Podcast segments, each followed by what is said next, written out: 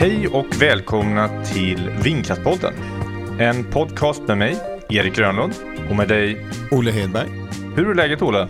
Ja, men det är bra. Det är fullt upp här. Det är många som är sjuka nu och vi har väl också haft vår beskörda del i familjen här. Så att, eh, men, men idag är det på topp igen. Hur är det själv?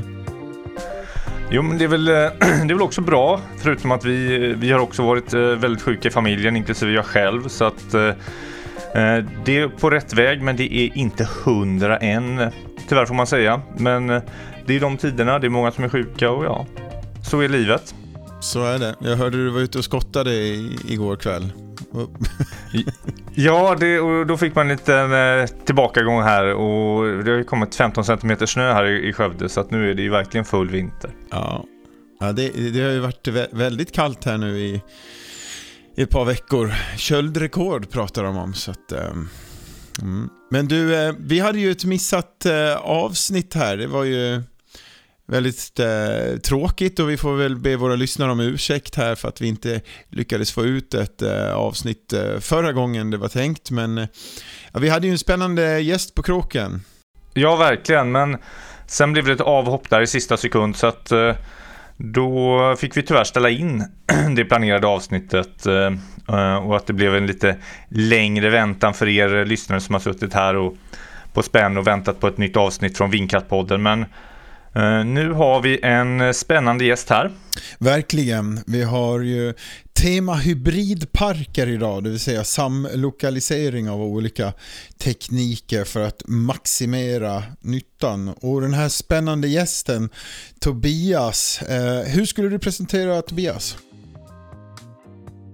Tobias Nylander är utvecklings och byggchef på Rabalsede Kraft. Trots sin unga ålder så har han haft eh, flertal topppositioner, ehm, förutom på Rabalsede även på Vattenfall där han varit eh, bland annat eh, ansvarig för Vattenfalls internationella projektutveckling av landbaserad vindkraft.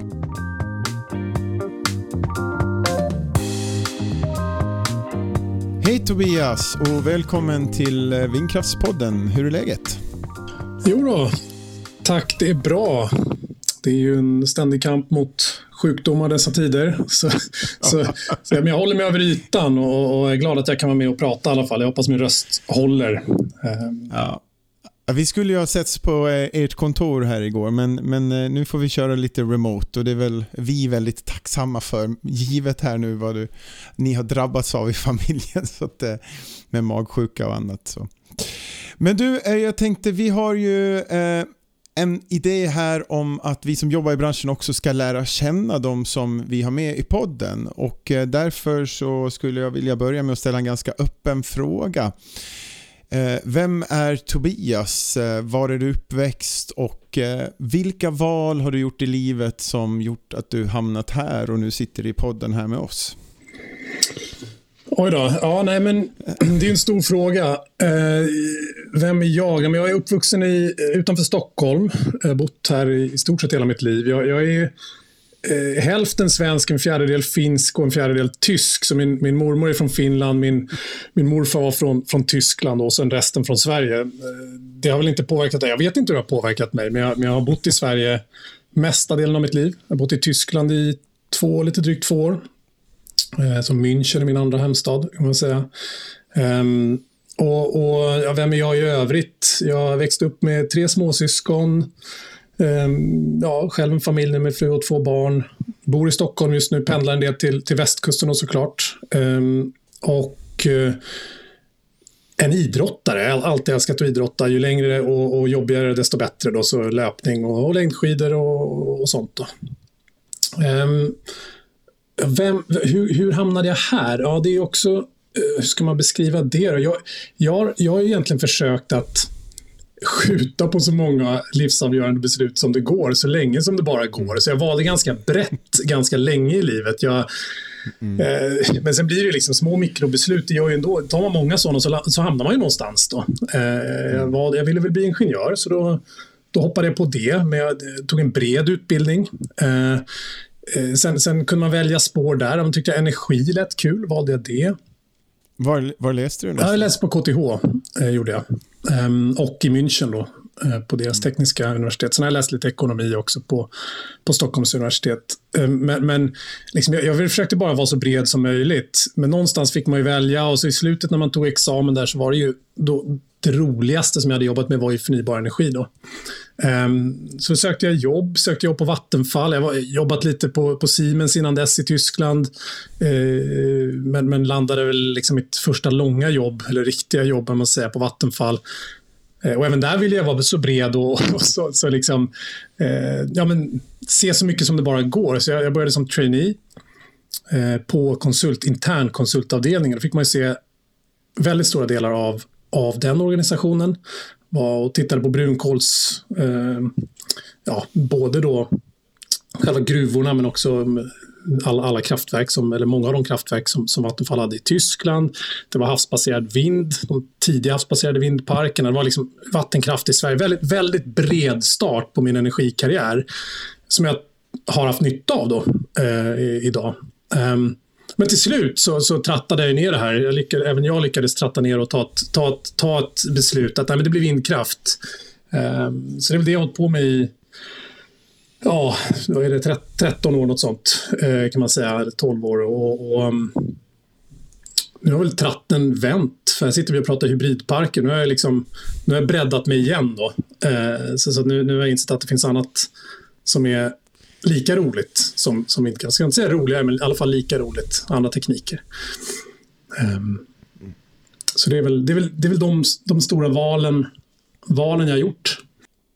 Men och, och, då var det Vattenfall och nu vet vi att du är på Rabbalshede. när skedde det skiftet? Precis. Ja, men snart har jag varit där i fyra år. Eh, jag är utvecklings och byggchef på, på Rabbalshede Kraft. Eh, fantastiskt roligt. Det, så jag var tio år på Vattenfall ungefär.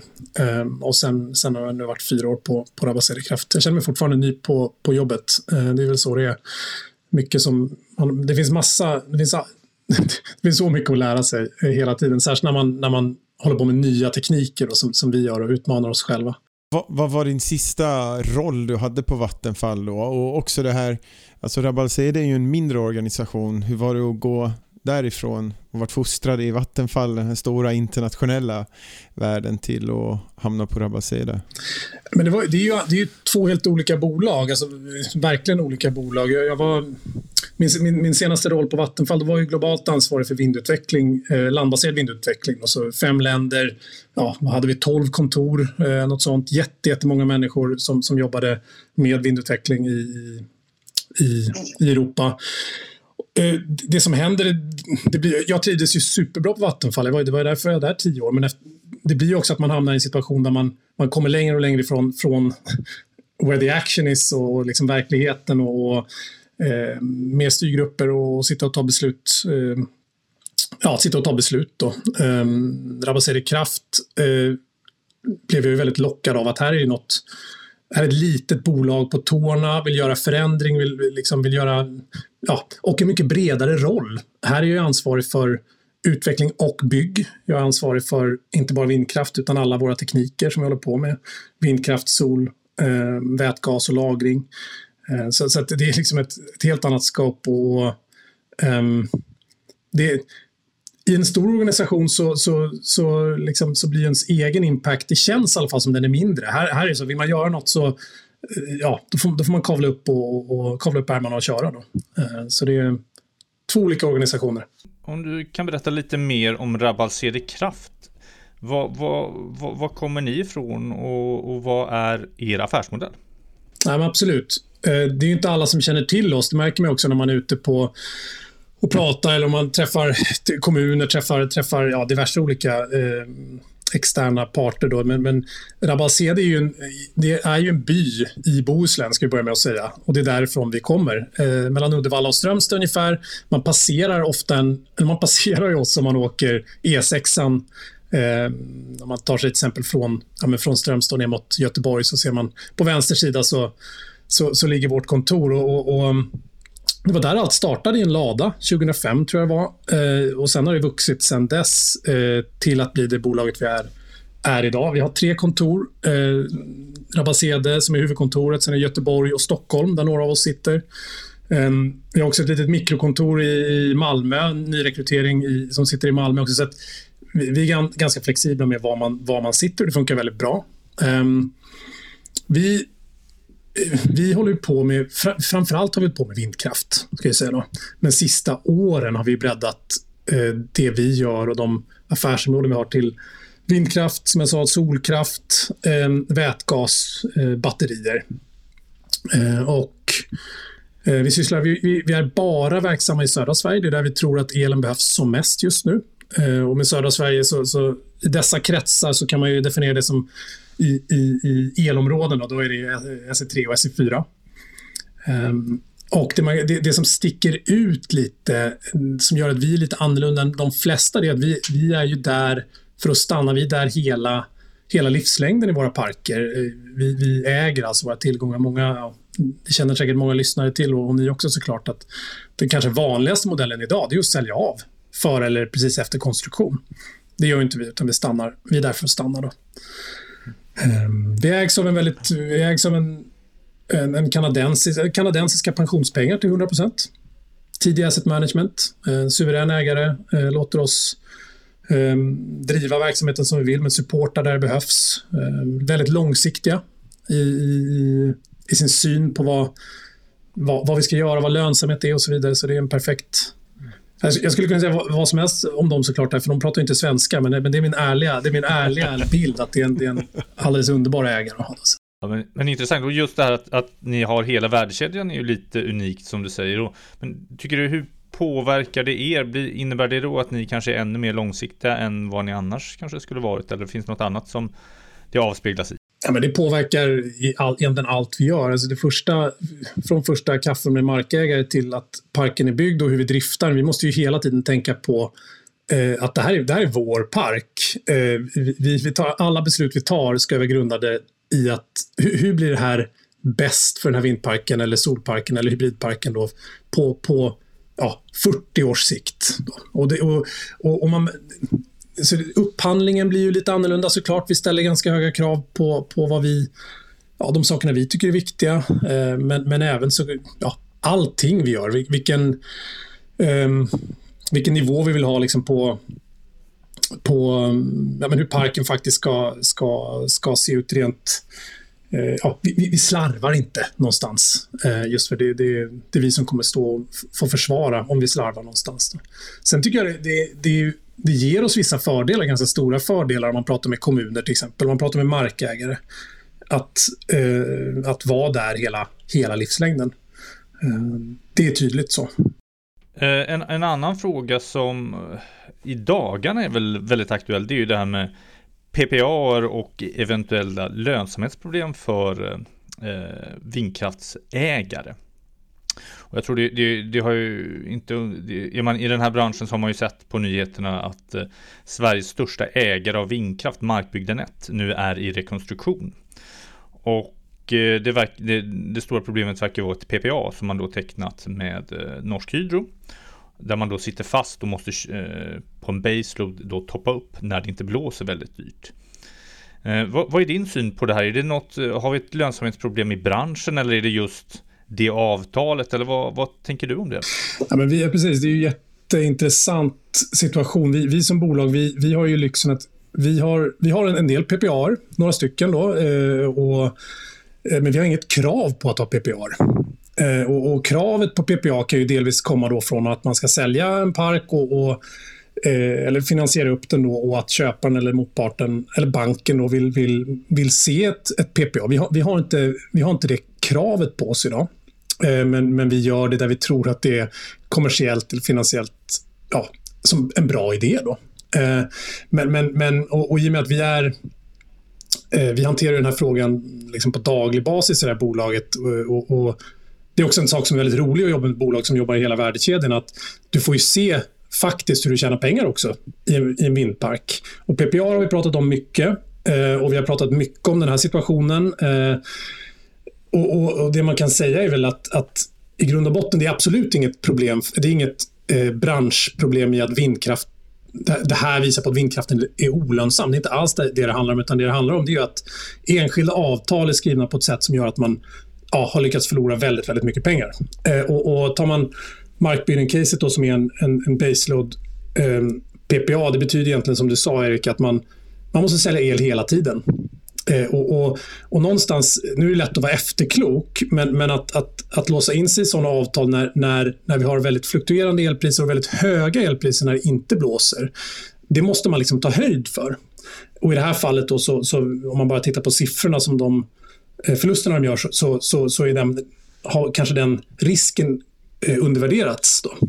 Men, men det finns ju andra sätt att, att så det är ju ett problem. Det är klart, har du en baseload PPA på en låg nivå och på en hög andel av din produktion, då, då har 2021-2022 med de eh, prisspikar vi haft, det har varit en väldigt, väldigt, väldigt dålig eh, struktur. Då. Eh, men det finns ju också ett, många som har, eh, som, som har suttit i situationen att man har hedgat på annat sätt. Hedgat på Nasdaq då, som är, och det pratas väldigt lite om, men att man har, man har hedgat eh, elpriset är ju bara en finansiell, ska man säga, eh, hedge. Då. Det, vi, vi, skulle kunna göra det, Erik, du och jag. Du tror på höga elpriser, jag tror på låga. Då skriver vi ett avtal på en servett att ja, eh, låt oss enas om 30 öre då. Om priset blir, blir 40, ja, då ska jag betala dig 10. Men blir priset 20, då ska du betala mig 10. Det är ju en typisk hedge. Då. Och det, som, det, som har, det som har gjort att många företag blöder av såna, det är ju att Ehm, helt plötsligt, för de är baserade på vad marknadspriset på Nordpol är. Men som vindaktör får du inte alltid marknadspriset utan det finns ju något som heter value factor eller capture rate. Ehm, så att i det här fallet så skulle, kan, man förlora väldigt, väldigt mycket pengar då på att ehm, du ska betala mellanskillnaden mot spotpriset i snitt på Nordpol, men du har inte fått spotpriset i snitt på Nordpol, du har fått hälften säger vi då. Då, då blir det helt plötsligt så att den hedgen blir en väldigt istället för en säkerhet så blir det en risk eh, och en väldigt stor risk. Då. Um, så. Ja, det är intressant och, och det måste påverka många, men, men ni står upp i alla fall. Ni, ni verkar ha överlevt den här stormen och, och förhoppningsvis inte sitter fast i allt för tuffa avtal. Nej, verkligen. Vi, vi har en bra position där, så det, det ehm, och jag tror vi har lärt oss också vad, vad, vad är en bra struktur att gå in i, vad, vad är en mindre bra struktur. Um, så. Sen en fråga som jag tycker är väldigt intressant och det, det kommer sig av min personliga historia. Jag har ju mamma från Stockholm och pappa från Göteborg så det här med East Coast och West Coast eh, har jag ju fått med mig sedan barnsben och då du nämnde ju det om att ni har eh, kontor både i Stockholm och eh, på västkusten och det, ni är ju flera i ledningen som sitter i Stockholm. Hur funkar det att ni liksom har huvuddelen av aktiviteten på västkusten och sitter eh, många toppcheferna i Stockholm. Ja, nej, men det funkar, det funkar, eller ska vi fråga någon annan egentligen? Men, jag, jag, jag, personligen tycker det funkar bra. Jag, jag, jag, tror det funkar, eller jag tycker det funkar bra. Vi, vi är där väldigt mycket och det är inte bara del av ledningen som sitter i Stockholm. Vi är väldigt utspridda generellt eh, i ledningsgruppen och, och som bolag. Så vi, är ju, eh, vi försöker hitta rätt personer eh, oavsett plats. Eh, och det är så vi har byggt bolaget. Vi har byggt väldigt... Eh, Göteborgskontoret är det som har växt starkast sista åren, skulle jag säga. Eh, där vi har tagit in väldigt många nya. Eh, och, men även i Rabasede så växer vi och i Stockholm växer vi. Så det är liksom lite... Um, ja, och, och i och med covid, alltså hela corona, hela pandemin har ju gjort eh, oss alla eh, väldigt vana vid videomöten. Så att, så att um, um, jag skulle inte se det som, det är, det är, ingen, det är, inget, det är inget problem för oss. Eh, sen, sen, en annan sak, det är också, jag menar, man, man känner ju väl till västkusthumorn. Hur, eh, hur klarar ni på Stockholmskontoret av den? Blir ni, klarar ni av det eller blir, blir ni bort, bortrollade av, av göteborgarna? ja, ja, nej, de, ja, de tar hand om oss väl tycker jag ändå. Och stackars stockholmare, när vi inte hänger med så, så, så, och missar poängen då, då får vi ja, då är de, eh, ett stort, de har ett stort tålamod med oss. Nej, jag tror det går bra. Eh, det låter bra. Ni har inte övervägt någonting att gå offshore? Du sa nu att ni har sol och det är batterier och vätgas och det är vind och sol. Men offshore, vad, vad tänker du kring det Tobias? Ja, men vi, vi har valt aktivt att inte gå in i offshore Eh, svängen då och det har ju flera anledningar. Dels har vi ett ganska litet bolag. Jag, jag, har jobbat med offshore, det har några på bolaget gjort, men det, men det är väldigt få som, som har gjort det och vi har, in, vi har inte samlad kompetens. Vi skulle behöva bygga upp eh, en väldig massa kompetens eh, så för, att, för att kunna hantera Um, hantera offshore-projekt. Det, det, är också, det är väldigt stora tickets, det är stora, stora investeringar. Vi, vi har idag ungefär vi har drygt en TVH som vi äger. Och, ja, och Olle, du, har ju, du, du vet ju hur stora offshore-projekten är. Ett projekt kan ju lätt sticka iväg på ganska många TVH. Så det skulle, det skulle bli lite... Vi skulle få, få ta en minoritet för att det inte helt skulle liksom, eh, skifta vårt fokus. Sen, sen, sen är det ju så, vi har ju också gjort värderingen att just nu och ja, i, i, den framtid vi ser i alla fall så kommer landbaserad vind och även sol vara, var konkurrenskraftigt mot offshore. Eh, och, och, det är det vi kan, det är det vi gör eh, och, och då, då, ska vi fokusera på det snarare. Då. Så, um, inget vi kommer göra i, idag i alla fall. Sen, sen får man väl omvärdera eh, situationen eh, framöver. Då. Ja, men spännande. Men du, skulle du kunna, om vi nu går in på det här temat som vi har idag med hybridparker, ge lyssnarna eh, en bild av det här konceptet då. Vad är en hybridpark? Vilka är de olika komponenterna? Är det sol, vind, vätgas och batterier? Om det är det, hur samverkar det här då för att, att bilda det här konceptet hybridpark? Ja, absolut. Och det, ju, det, finns ju inte liksom ett svar. Det här är en hybridpark. Vi, vi pratar om, egentligen, vi säger energiparker. Det, det, alla parker vi utvecklar från, från början är ju numera energiparker. Det är inte längre vindparker eller, eller, eller solparker, utan det är, det, det är energiparker. Då.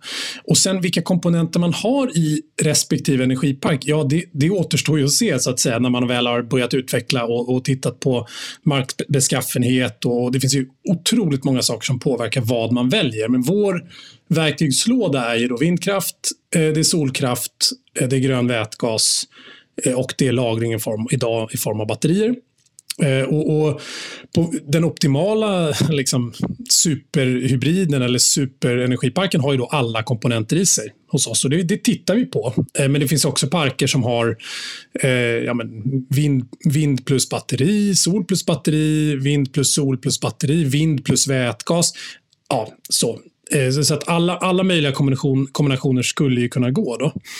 Eh, det fina med hela konceptet är ju att eh, det handlar ju om att använda de, de resurser man har blivit tilldelade, de resurser man har på bäst sätt. Eller hur? Alltså, kombinera eh, eh, teknikval eh, och, och liksom få in eh, så mycket som möjligt så att säga, på, på samma både yta men också på samma nätanslutning. Då.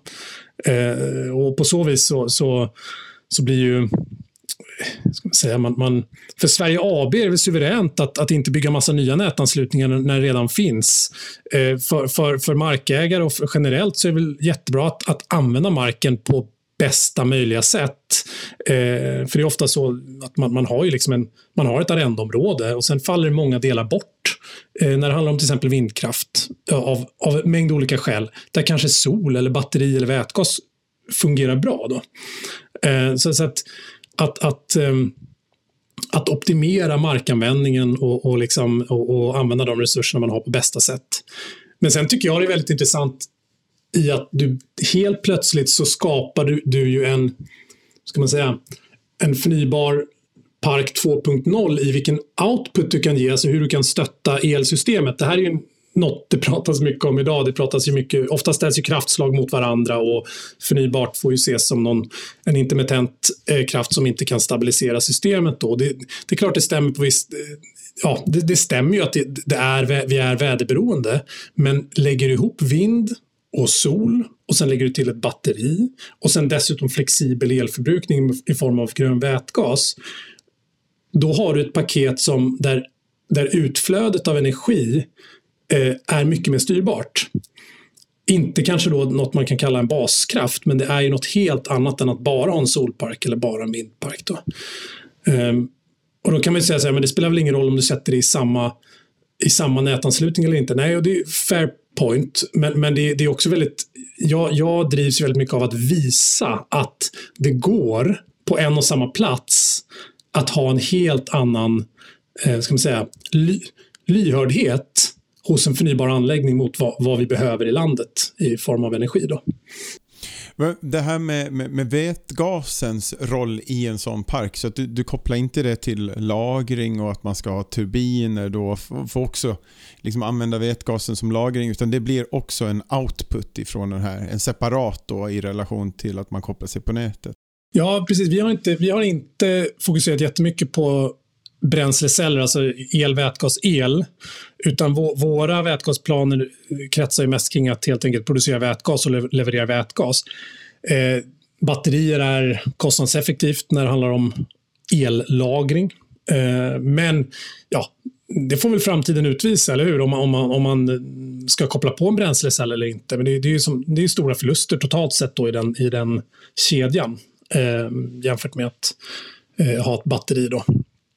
Men, men och, och du nämnde här också att ett, ett, ett valid argument här emot skulle vara att man inte behöver samlokalisera det utan att man lika gärna skulle kunna ha det separat. Eh, om vi säger sådär. Men eh, har ni inte någon ambition att, att liksom peak-shava kanske då ta ner topparna och lägga dem i batterier och, och ha en lägre liksom frekven, eh, äh, säga, eh, lägre anslutningskapacitet då för att istället leda in topparna i ett batteri? Absolut, så blir det ju då. Och, och sen om det blir lägre, det, det beror helt på hur man lägger upp det. Jag menar, om, om man börjar från vindkraftssidan då, säger man att man har X, att man har 50 megawatts anslutning, om, om vi bara skulle byggt en vindpark, eh, då, då, då handlar det ju om att eh, om, om, du, om du bygger då, säg 30-40 megawatt sol på det, eh, då kommer du ju ha vissa timmar då vi, då, då, då, vi kommer överleverera. Det är väldigt få timmar, men vi kommer ha vissa timmar. Då blir det ju snarare en shaving i det avseendet då som batteriet kan göra. Eh, men det är klart, ser du på helheten så skulle du kunna dra ner på, på nätanslutningen. Men, men det svåra med hela hybridkonceptet är ju att eh, Alltså vad kommer först? Vad ska, vad ska, du, börja, vad ska du börja projektera för? Eh, och i och med att vi har så otroligt olika längd på tillståndsprocesserna på de här olika teknikerna och ibland olika motparter, ibland olika prövningsprocesser. Vi kan ha 12-6 för, för ett batteri eller för, ibland för sol också. Så har vi miljöprövningen som, som vi alla vet om för vind. Så, blir det, så är det ganska svårt att synka dem. Eh, utan det vi har gjort hittills är att eh, egentligen ha vindkraften som bas och sen bygga på komponent för komponent. Eh, men, men, men det här är ju liksom den stora frågan. Ska man i framtiden då ska vi skicka in gemensamma ansökningar för en mängd tekniker? Och vad är plus och vad är minus med det då? Hur ser den här, kan du säga någonting om liksom korrelationen dygnsvis, veckovis, årsvis när du har sol och vindkraft samlokaliserat sådär? Alltså, hur eh, får vi en stabilare, får vi mer åt en baseload? Eller? Ja, man får, liksom, det blir ju inte riktigt en, en baseload, men de är ju perfekt eh, synkade i att Ja, det blåser mer på vintern. Eh, ja, vi vet ju alla när solen skiner, det, det sker ju framförallt inte på vintern, eh, utan på sommaren. Eh, så, så, att, eh, ska man säga, säsongsvariationerna är ju, är ju verkligen toppen. Sen, sen, sen på dygnsvariationer, man vet ju, det, det, finns ju alltid, ja, det är ju såklart mer elproduktion eh, mitten på dagen och så vidare. Eh, den korrelationen eh, ja, den är väl inte lika tydlig som, som säsongsvariationen. Det finns ju bra variation även där. Så sammantaget blir det ju de studierna vi har gjort på våra parker att man kan ju få in eh, väldigt, väldigt mycket solkraft i ett vindkraftsprojekt eh, med begränsad nätanslutning. Vi, vi ser liksom inte eh, det som begränsar sig att man har 50 megawatts vind, en vindpark med 50 megawatts nät. Du skulle i stort sett kunna bygga 50 megawatt sol på det eh, och det kommer ändå vara eh, en god idé eh, för det som, mot att bygga en standalone solpark. För att även om det får, får dra ner på solen, eh, curtaila då no, någon procent, så slipper du hela nätinvesteringskostnaden. Och, och, och, det, är ju, det är ju nyckeln i det här, att, att vi kommer tillbaka till nätet. att jag menar, En nätanslutning för solen kostar ju ofta en miljon per megawatt eh, total capex, total, nät, total investering för hela solparken kanske är 5 miljoner per megawatt. Så då har du 20 procent som går till nät. Eh, det är klart, kapar du eh, investeringskostnaden med 20 procent, ja då har du råd att dra ner någon procent på på produktionen då, eh, utan problem. Sen blir det en optimeringsövning och, och allt. Det är site-specifikt och det beror på om man har ett batteri eller inte och så vidare. Men, men jag skulle säga att man får in väldigt mycket sol i en vindpark. Då. Och om man tänker i, i termer av kopplingsschema, alltså då har man vindkraftsparken går till en transformatorstation och så kopplar man solparken till, till, till den transformatorstationen i parken.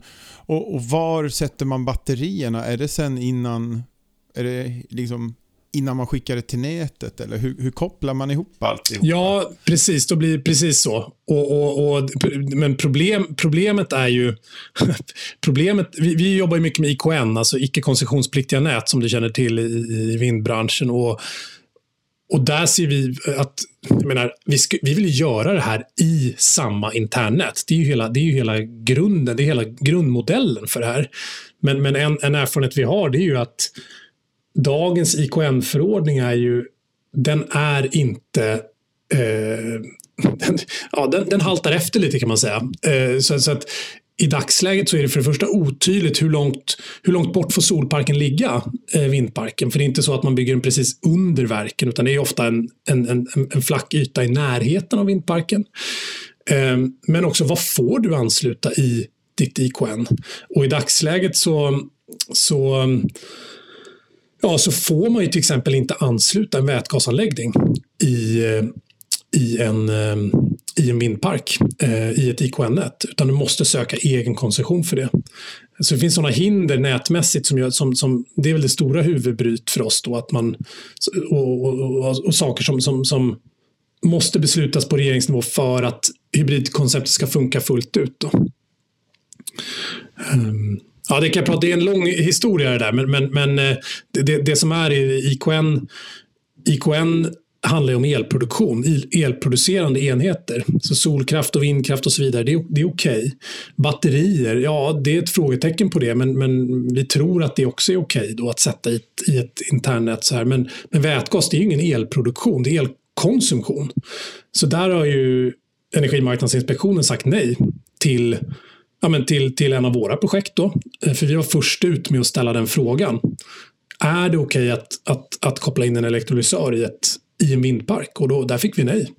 Eh, och de hänvisar upp till, till att regeringen måste ändra IKN-förordningen. Så det är en liten soppa det där, men, men, men, vi hoppas ju såklart att det, kommer, att det kommer lösa sig. Ja, det är mycket med tillstånden. Men en sista fråga här innan vi går in lite mer på, på tillstånd. Eh, hur skulle du säga, eh, hur viktiga är lagringen för att det här ska bli lyckat i framtiden? Alltså batterikapacitet och så. Det finns ju, det, det beror på vilken hybrid, form av hybridpark du har. Men det är klart, har du en vind plus solpark, då har du ju, då har du ingen annan lagring, ingen annan flexibilitet. Då, då finns det en väldig fördel eh, såklart att ha, att ha batterier.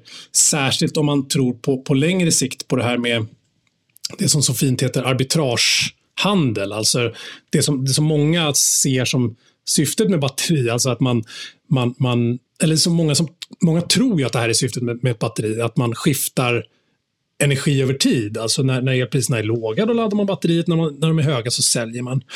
Um, men men, men, men det, är ju, det är ju bara en komponent så att säga i, i, i vad, vad, vad ett batteri kan göra. Vi, vi tittar ju mest på, på stödtjänster såklart då, eh, som mot SVK. Eh, och då kan man egentligen sätta, man skulle kunna sätta batteriet var som helst. Eh, ju. Eh, men men ehm, det finns vissa fördelar med att sätta det i en, i en eh, befintlig anläggning. Framförallt kanske att man har nätet redan. Du, du, du har elen. Eh, för det det som mycket av det här handlar om. Att dra ner på nätkostnaden, men framförallt att, att, att, ha, att hitta en anslutning. Um, det är större och större problem i, i Sverige idag.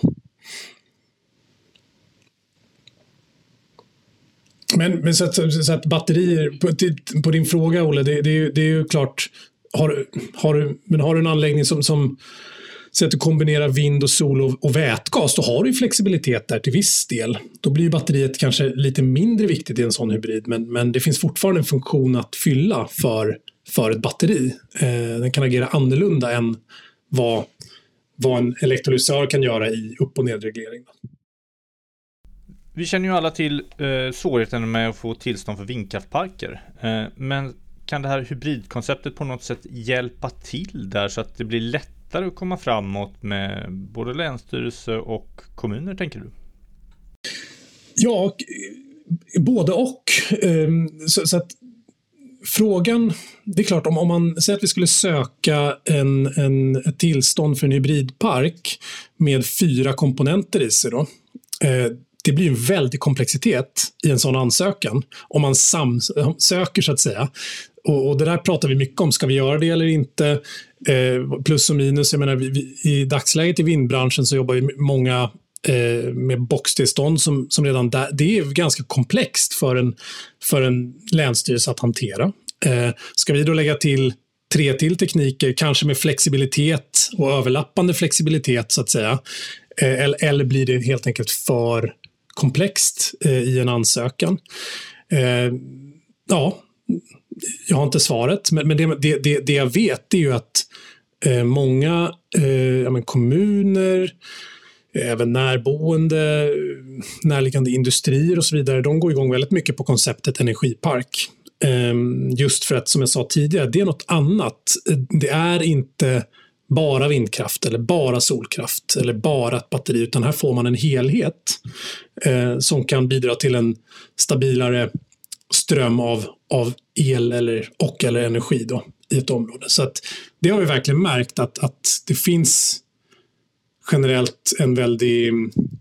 Ja, man, man är positiva till, till det här konceptet. Då. Vilka är de största regulatoriska och politiska hindren för att kunna få, liksom, utveckla det här konceptet ännu mer, skulle du säga?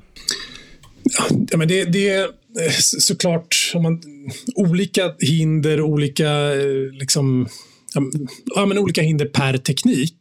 Vindkraft har ni pratat mycket om i den här podden, förmodar jag. såg att Tove var, var, var var, var här också. Jag menar, det, det, finns ju individuella hinder där som är ganska omfattande. Då. Ehm, sol så, så är det ju eh, så, så, är det ju en, en, bransch verkligen i utveckling i Sverige. Ehm, vilken typ av tillstånd ska du ens söka? Räcker med 12.6 eller behövs hela, hela prövningen? Då? Ehm, vilken mark ska du få bygga på? Eh, åkermark, ja eller nej? Okej, vilken åkermark i så fall? Väldigt specifikt per kommun just nu och, och per länsstyrelse. Um, så, så, så, så, där finns ju de stora utmaningarna. Inom vätgas så, så var jag inne på IKN-frågan eh, såklart. Då. Um, ja, så det är, det är väl några, liksom några som är värda att, att, att nämna. Eh, men jag tror generellt så är det ju, vi har ju jätteutmaningar inom Eh, för att till, få, få till ny elproduktion i, i Sverige och det finns eh, en mängd anledningar till det. Men, men, men det känns som att det behövs verkligen ett nytag. Vi har pratat väldigt länge om att korta och förenkla och ge bättre förutsättningar för, tillstånds, för tillstånd att, att, att bli av. Eh, men, men jag ja, saknar action. Eh, så. Du har redan varit inne på det lite att om man hade en eh, 50 megawatts eh, nätanslutning eh, och hur man skulle kunna rigga ett system kring det. Men, men om vi kunde ta det igen här. att Ponera då att ni har 50 megawatt på nätet någonstans och, och har ett tillstånd för vindkraft som är det svåra att få. Hur, hur, om, om, du hade alla möjligheter att komplettera med de andra teknikerna, hur, hur skulle du rigga ett, Eh, en hybridpark eller energipark som ni, ni kallar det då, för, för en sådan anslutning? Ja, um, den optimala hybriden för oss är ju vind, sol, batteri, vätgas, eller hur? Och, och, och, så att om vi börjar med de komponenterna så, så försöka få till ett energisystem eller en, en energipark som innefattar alla dem. Då. Först och främst handlar det om att hitta mark för tillräckligt mycket sol. Det, det tar ju väldigt stor plats. Till skillnad från batterier och vätgasproduktion så är sol väldigt det är platskrävande. Då. Eh, har du ytan, eh, arrenden för, för, för tillräckligt stor yta så skulle du i teorin kunna bygga upp till 50 megawatt sol också. Något sånt. Men, men det vi har tittat på, vi har en, vi har en park, den här parken i, i Strömstad som jag nämnde, där, där tittar vi på just 50 megawatt vind som är byggt nu. Eh, och Vi projekterar 20-25 megawatt sol till, eh, för, för, att det är den ytan vi har. Eh, eh Där bygger vi ett, ett batteri på 20 megawatt. Och så tittar vi i en massa diskussioner. Då ska man ha en, en, en elektrolysör då på de, de, ja, om det är 10 megawatt eller 5 megawatt. Och det beror helt på offtake. Då. Så, så, vissa av de här sakerna är ju direkt det är ju nätet direkt, skulle nätet kunna vara direkt begränsande. Eh, och Det är just hur mycket ny elproduktion kan man få in. Eh, men där skulle jag säga att man får in mer än vad man tror, vind plus sol tillsammans. Då. Och Särskilt när man har ett batteri. Eh, och På vätgassidan så är det inte det som är begränsande, utan där är det mer, kan vi sälja vätgasen? Till vem ska vi sälja den? Hur stor, hur stor mängd kan vi sälja? Och där, där, där dimensioneras det efter det. då. Ja, men, och lite apropå det spåret. Vad, hur ser du, vart ska man skicka vätgasen framåt? Ska det vara i pipeline eller hur? Vad, vad, vad gör ni av den? Det finns ju inte ett sätt att producera vätgas som är liksom sättet med, med, ett stort S, utan det finns ju, så som jag ser i alla fall, att det kommer finnas väldigt många olika sätt, eller flera olika sätt att, att producera lönsam grön vätgas. Vårt koncept är ju att bygga elektrolysören i våra hybridparker då, och bara använda grön el, bara använda gröna elektroner direkt från vår park. Då. Eh, problemet eller utmaningen är såklart att då måste det transporteras någonstans. Ju. Eh, det andra sättet att göra det är att, att, att eh, producera vätgasen precis vid en industri, till exempel. Ehm, men då måste du transportera elen dit, å andra sidan. Eh, så, och, och el, eltransmission och distribution, det, det, är ganska dyrt. E, elen är ju den stora komponenten i hur mycket vätgas hur, mycket, hur, ja, hur, vät, hur, mycket, hur dyr vätgasen blir. Eh, och dessutom är det så att det är inte säkert att du får nätanslutning. Det är inte, inte säkert att du får den krämen ut ur nätet. Så det finns plus och minus med, alla, med, med båda de sätten att producera vätgas. Men vårt sätt är ju då att, att, att, producera den på plats i vindparken och sen på något sätt distribuera ut den Antingen bygger man då, vi har ett projekt där vi tittar på att bygga en tankstation precis bredvid i anslutning eh, till själva hybridparken. Ehm, det finns ett annat projekt där vi, där vi tittar på att flaka ut med, med lastbil till närliggande användare. Eh, Pipelines, jag menar, det kommer, om, om, det ska, om det ska rulla eh, vätgaslastbilar på, på svenska vägar, då är det svårt att se att det kommer byggas ett pipeline-nätverk ut till varenda eh, gastankstation. Utan det är som med, med, med dagens drivmedel, att det, det körs ju ut. Eh, och det kommer det fortsatt göra även, även för vätgas. Då. Men det är klart, det skulle kunna bli någon sorts liksom, något transmissionsnät eh, vissa sträckor då för vätgas. Men sen måste ju sist, sist, sista sträckan måste man då transportera ut det på något annat sätt. Får jag fråga, alltså, hur jobbar ni, jobbar ni aktivt med den här offtake, de som är intresserade av att köpa vätgas redan idag? För jag vet, ja, i mitt tidigare uppdrag här, det finns ju redan nu en ganska stor efterfrågan på liksom grön hållbart producerad vätgas. Har, har ni liksom med dem in i processen redan nu i er planering? Absolut, det är en av de första sakerna vi gör. Man tittar på var vilken av våra hybrid eller energiparker skulle kunna ligga i närheten av offtakers? och vilka är de här då potentiellt? Och sen, börjar, sen plockar man upp telefonen och ringer och ringer och ringer. Och det, det är väl det vi har gjort de sista två, tre åren. har vi pratat med otroligt många användare av vätgas i södra Sverige. Eh, och det är otroligt många som är intresserade, men det är också en bransch som är precis i, ja, men i väldigt tidigt skede. Eh, så, så, att och lite hönan och ägget om man tar på, på transportsidan, om man tror på, på, på lastbilstransport med, som är vätgasdriven, ja då behöver sta, eh, tankstationerna finnas. Men för att någon ska bygga dem då så måste ju lastbilarna finnas. Och det är liksom, man, man står och stampar där och på industrisidan så så, så vet man inte riktigt, ska man, ska man bygga sina egna stora vätgasanläggningar eller ska man köpa in vätgasen? Eh, får vi nätanslutningar, för, får vi krämen för att kunna producera flera ja, men motsvarande 100 megawatt el behövs för, för, för, per industrianläggning för att, för att förse dem med, med grön vätgas. Finns de, den, den krämen i nätet? Eh, så, så, att, men, men absolut, Olof, vi, vi, eh, det är en av de första sakerna vi gör eh, när vi tittar. Men det låter som att du, du ser väldigt positivt för vätgasens roll i det framtida energisystemet. Att den kommer få en, en viktigare roll, roll låter det som. Ja, men jag tror absolut, det finns vissa delar av industri, eh, industrin som, eh, där det inte finns så jättemånga bra alternativ till det. Eh, så att absolut, eh, en stor del av industrin kommer, eller må, många, många, många industriella processer behöver, behöver vätgas. Sen kan man alltid diskutera vägtransport. Bat, batterier blir ju billigare och billigare och bättre och bättre. Det som talar för vätgas just på, på lastbilssidan, det är ju att batterierna blir så otroligt tunga och stora om man ska eh, driva den typen av lastbilar. Och som jag pratade med något bolag som, som håller på med, med, med, med transport som sa att men vi, vi får liksom inte betalt för att transportera, eh, transportera batterier. Vi, vi, får betalt för att transportera last. Eh, och, ja, då, då är ju vätgas eh, en, en, en, en bra lösning. Ja, men intressant. Men, men för att kunna göra allt det här så behöver man ju också en, en, en lönsamhet. Och och eh, hur eh, jobbar ni med det och kunna få lönsamhet i, era energiparker och, och hybridkonceptet? Ja, men billig el. Eh, det blir ju att använda elen när den är billig. Det är att använda elen utan, utan distributionskostnader.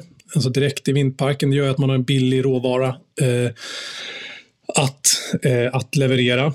Ehm, men i slutändan styrs ju allt av vad, vad, vad, vad är faktiskt den här off-taken villig att betala i kronor per kilo. Eh, för, och, och, och, och ehm, det finns ju liksom inget marknadspris riktigt. Det, vi är så tidigt ute som sagt, så det, det, det är det som avgör det hela. Då. Eh, sen handlar det om att bygga in tillräcklig flexibilitet. Eh, kommer vi kunna leverera 24-7 eller kommer det eh, jag menar, det blåser ju inte alltid. Och hur dimensionerar man lager och så vidare. Lager är väldigt dyrt. Jättedyrt. Um, så, så, det är en otrolig optimeringsövning. Uh, men, men um, ja. Sen, sen, sen, sen är ju förutom el, elkostnaden som är den stora rörliga kostnaden så är det såklart att, att få ner investeringskostnaden så mycket som det bara går.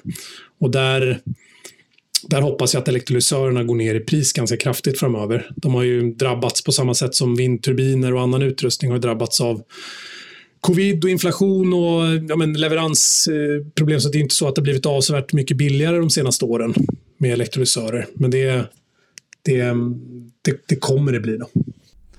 Just det, men så då betyder det att det finns ingen tydlig marknad för fastpriskontrakt så man kan låsa in produktion och på så sätt få en, en säkrare lönsamhet i projekten just nu då? Nej, absolut inte. Utan det är ju verkligen, eh, vi är väldigt tidigt ute. Man, man, men det finns inget...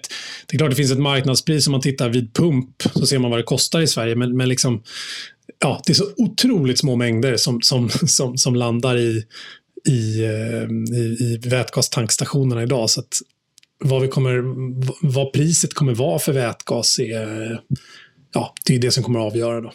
Om man jämför hybridparker med om en eh, enkelteknologiparker då, hur eh, det, om man jämför både, både titta på ekonomi och miljömässiga faktorer, hur skulle du säga att eh, hybridparken står sig? Eh, om man jämför de två?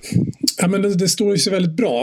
Eh, lite upprepning blir det nu, men, men liksom nätkostnaden som jag nämnde tidigare, du, du slipper bygga en ny nätanslutning. Det är ju suveränt. Det är dyrt eh, med, med, sådana. Då. Eh, du, miljömässigt så är det väl så att du Ja, istället för att bygga... Vi, vi gör ju liksom avvägningar och ser var är det bäst i ett område att bygga vind miljömässigt? Var är det bäst att bygga sol till exempel miljömässigt? Och har du den möjligheten att ja, men vi skippar faktiskt de här två verken. För det finns, det finns en förhöjd påverkan på, på närmiljö. Eh, men vi bygger istället sol för det passar bättre just där. Eh, det kan vara en fågelfråga till exempel. Ja, men då är väl det en utmärkt lösning för att minska eh, miljöpåverkan. Men, så det handlar om att liksom generellt att, att använda resurserna vi har på bästa möjliga sätt. Och då, då, då tror jag väldigt mycket på, på, på den här kombinationen. Då.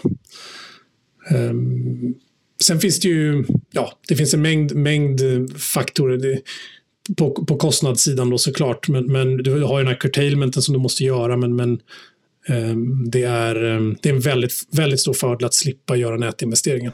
Och ni, ni är ju i, i framkant i det här och, och får vara med i olika sammanhang och berätta om det här, så jättespännande att ha er, dig som representant för bolaget här. Uh, och då, ni, eftersom ni ligger då i framkant så tänkte jag höra lite vad du tror också om framtiden och, och vad, om man försöker se runt, runt hörnen här där, vad, vad tror du om vi flyttar oss framåt 5-10 år? Är det, kommer det vara några ytterligare delar i en hybridpark eller är det de här fyra teknologierna och, och eh, finns det några andra trender du, du ser eh, runt hörnen?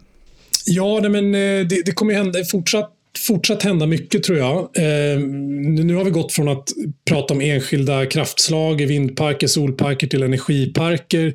Eh, nästa steg skulle kunna vara att prata om mer energi, energisystem där man också kopplar in förbrukare. Alltså har du ett sånt här, har du byggt en energipark, ja men då är det väldigt logiskt att få dit någon som vill använda energin och använda elen eller, eller vätgasen då på plats. Um, och, och, och vad, vad, kan det vara? Ja, men du kan ju kombinera det med, såklart man vill göra e-bränslen med, med, med en CO2-utsläppande form av industri. Uh, du kan ju såklart koppla in ja, men, laddinfrastruktur. Uh, I närheten, om det ligger i närheten av stora vägar, ska man koppla in ladd, ladd, laddstationer då direkt. Uh, så att, att, att användningen av energi kommer närmre produktionen. Det skulle kunna vara något, något som händer som nästa steg. Um, sen händer det mycket med tekniken. Med vilken typ av batterier kommer man använda fr framöver? Ja, nu är det litiumjonbatterier för det mesta. Då, vad, vad, vad blir näst, nästa teknik? Det är ju bara att lägga örat mot, mot rälsen och, och, och hänga med. Um, så det händer, det händer, absolut saker. Då. Och, och, och, det låter väldigt intressant det här med förbrukaren och det skulle kanske kunna göra att man, det blir lättare att få ett ja från kommunerna också då med tanke på att då blir det ännu mera verksamhet, kanske mera jobb och så vidare i närområdet. Så att eh, det låter väldigt spännande. Eh, du har ju även jobbat internationellt, eh, då främst i form av Vattenfall och, och har sett olika marknader och hur ligger Sverige till när det gäller det här hybridkonceptet? För jag har förstått att särskilt i Holland jobbar ju Vattenfall en, en, en, del med det. Är det någonting vi, vi i Sverige kan lära oss från, från andra länder? Ja, men vi är bortskämda i Sverige med att vi har ganska mycket yta ju, så att vi har, vi har liksom inte behövt, behövt tryck, trycka in så många saker på, på samma plats som man har gjort till exempel i Holland. Holland är ju eh, holländare gillar inte när man säger det, men det är ett väldigt litet land ju, eh, rent ytmässigt. Och, och det, om, man har, om man någon gång har flugit över Holland eller landat så ser det ju Ja, det finns ju inte många grönområden som är orörda. Eh, så där handlar det om att trycka in så mycket som möjligt på det kan vara nära, väldigt nära motorvägar. Det kan vara eh, att man bygger vindparker som är i stort sett... Ja, men, på Vattenfall, när jag var där så byggde vi en park som, som låg ja, men, bokstavligt talat på, eller un, man grävde fundamentet under en, en, en järnvägsräls. Då. Alltså där handlar det väldigt mycket om att, att optimera och, och hitta platsen. Eh, och det har man också gjort med hybridparker. Ja, men nu har man, har man då kingat ett område till, till vindkraft. Eh, varför inte bygga solpaneler under då? Eh, man hade samma problem med iskast och man kan bygga, verkligen bygga i vindparken. Eh, så, så, att men det som händer i Sverige nu det är att det är inte så att vårt land har krympt och att vi har mindre yta, men däremot har vi färre det är svårare att få nät. Och det är det som är drivkraften för oss att, att hybridisera. Eh, att, att eh, den, den, den, bristen vi har på nätanslutningar och driver att vi vill putta in mer, mer kraft på samma, samma plats. Då. Det var en väldigt bra avrundning på, det, på den delen tänker jag. Och vi har ju ett sista segment som vi brukar köra i avsnitten här eh, Tobias. Och det är eh, kompetensspaning, eh, kompetensförsörjning. Hur kan vi hjälpas åt för att få in fler i branschen och hur kan vi få de som är i branschen att navigera snabbt i, i sin karriär. Och, och då är det väl, ja, vad skulle du säga om man vill komma in på Rabal Kraft och till sist kanske komma till en sån fin position du har med din spännande verktygslåda med alla de här kraftslagen. Vad, vad har du för, eh, för, för råd till eh, yngre i branschen och de som kanske precis har kommit in? Ja, nej men jag tror ju på, om, om för att kunna ta bra beslut eh, i komplexa frågor så handlar det såklart om att ha en, eh, en bredd en kunskapsbredd och en erfarenhetsbredd. Och, och ehm, det, det, är väl något som, som, och det är också väldigt roligt att ha den bredden. Eh, det kommer alltid, du kommer alltid känna på det på något sätt. Så, att, så att tips till en ny, en, en nyexad person som börjar jobba som, som en expert eller liksom som en, som en ja, någon form av roll i en, i en organisation inom förnybart, det är ju att också våga ställa frågan, men kan inte jag få hänga med på det här samrådet? Jag vet att jag inte jobbar med det egentligen, men kan jag inte få göra det? Eller eh, får jag vara med ut en dag på, på ett bygge eller, eller, eller i en driftsatt park på, på, en, på en underhålls ja, men, någon sorts underhållsaktivitet. Eh, läsa igenom ett, ett, ehm, ett, ett TSA, alltså ett, ett, ett turbinavtal. Eh, allt sånt som, förstå också ekonomin bakom, bakom ett eh, vindprojekt tror jag är väldigt nyttigt för att kunna liksom bygga en karriär i, inom den här sektorn. Eh, så, så, att våga ställa, våga kasta dig ut i områden eh, och rotera, liksom jobbrotera på något sätt för att få en, få en bredd. Jag ångrar att jag i, tidigt i min karriär inte gjorde det mer. Då. Jag gjorde det delvis då som trainee på Vattenfall, men att, att liksom när man väl börjar jobba med vindkraft så det är lätt att man hamnar i ett, i ett skrå. Eh, för det är så superprofessionaliserat nu i många bolag att du jobbar bara med vindmätningar eller med vindanalyser. Du jobbar bara med, med, med, med markförhandling och så vidare. Men, men liksom att, att se helheten, det är väl mitt, mitt absoluta tips.